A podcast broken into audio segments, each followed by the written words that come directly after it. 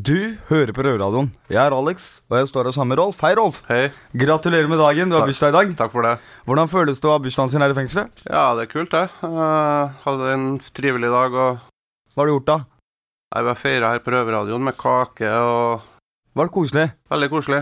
Har du hatt eh, flere bursdager her inne? da? Eh, jeg har hatt noen bursdager i fengsel, har jeg. Du har vært en eh, Du har vært en del ganger inn og ut av fengselet, du, Rolf.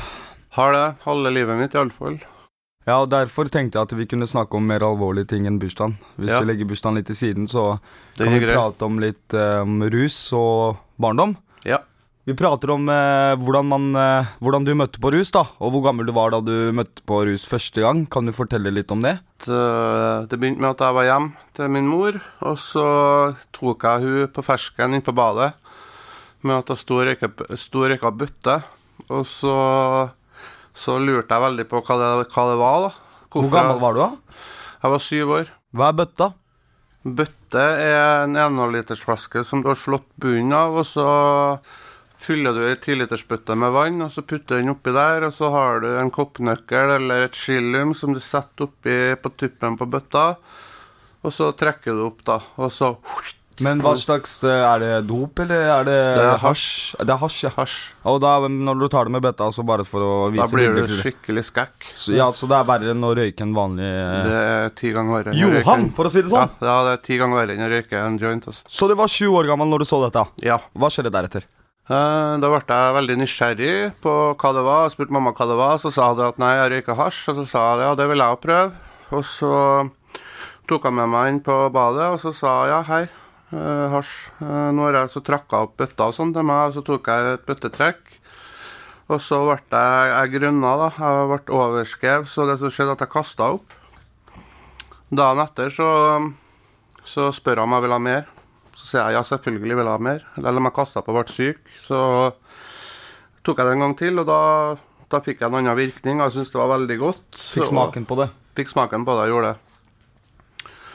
Så eh, etter det så har det egentlig Jeg røyka litt, da. Jeg kan ikke si at jeg røyka hver dag når jeg var syv år, det høres veldig rart ut. Men eh, jeg røyka litt. Og når jeg nærma meg 13-årsalderen, da begynte jeg å røyke for fullt. Da røyka jeg hver dag sammen med min mor og kamerater og alle i familien min, tanta mi, onkelen min, brødrene mine, søsknene mine, alle sammen røyker hasj i dag. Og jeg røyka sammen med dem hele oppveksten, og gjør det fortsatt i dag. Hvordan, eh, hvordan har din oppvekst vært med rusa, Rolf? Var det det livet du så foran deg, liksom, med å rus og sånne ting? Eller så du foran deg en, en lys fremtid med jobb og leilighet og fast inntekt? Jeg Og... begynte vel å tenke litt på det når jeg nærma meg 15-16-årsalderen, at kanskje det var begynte å bli kjørt med, med framtida, for jeg var såpass inn i, i rusen. Men tror du at det er for sent nå, eller, Rolf? Eh, ja, egentlig, for det er det jeg tjener pengene mine på. Men da kan jeg si til deg fra venn til venn, Rolf, at det er aldri for sent. For du er en god mann, og jeg ser på deg at du har mye opp i hodet. Mm. Og jeg tror at du kommer til å klare det. OK, takk for det. Tilbake til barndommen. Har du, har du noen gang hatt noen å prate med? Lærere, barnevernstjenester, noen voksne som sto der utenom din mamma?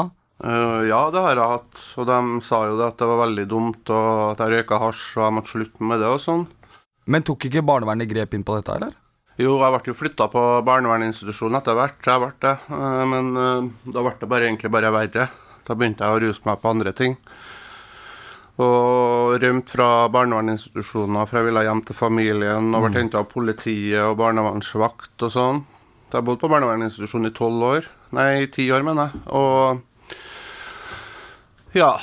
Jeg husker Hver dag så prøvde jeg å rømme, for jeg ville hjem. Jeg, mis, jeg mistrivdes på institusjon og ville være sammen med familien. Selvfølgelig. Mm. Så jeg, hadde ikke, ki- jeg kan ikke si at jeg hadde en kjip barndom, det har jeg ikke hatt, men for mange så er det jo veldig alvorlig å ruse seg sammen med sin mor og sammen med sin familie, men jeg synes det er Jeg er egentlig takknemlig for at jeg har fått rusa meg sammen med min familie.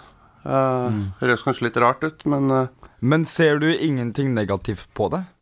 jo, jeg ser, jeg ser jo det at det ikke er bra. Det er jo aldri bra. Eh, Jeg har aldri kunnet ro- ruse meg sammen med mine barn. Jeg har to sønner sjøl, som er tenåringer, ten- tenåringer begge to. Og for å være helt ærlig, så den, den dagen de begynner å ruse seg, så vet ikke jeg helt hvordan jeg, sk- kommer til å takle det. Men det er bra. he- men heldigvis så eh, hater de rus, og de, eh, de er bare opphengt i trening og skole og utdanning, og det er veldig Mm. bra. Det er jeg veldig stolt over. Ja, Rolf, tusen takk for at du delte det her med oss. Mm, ingen problem.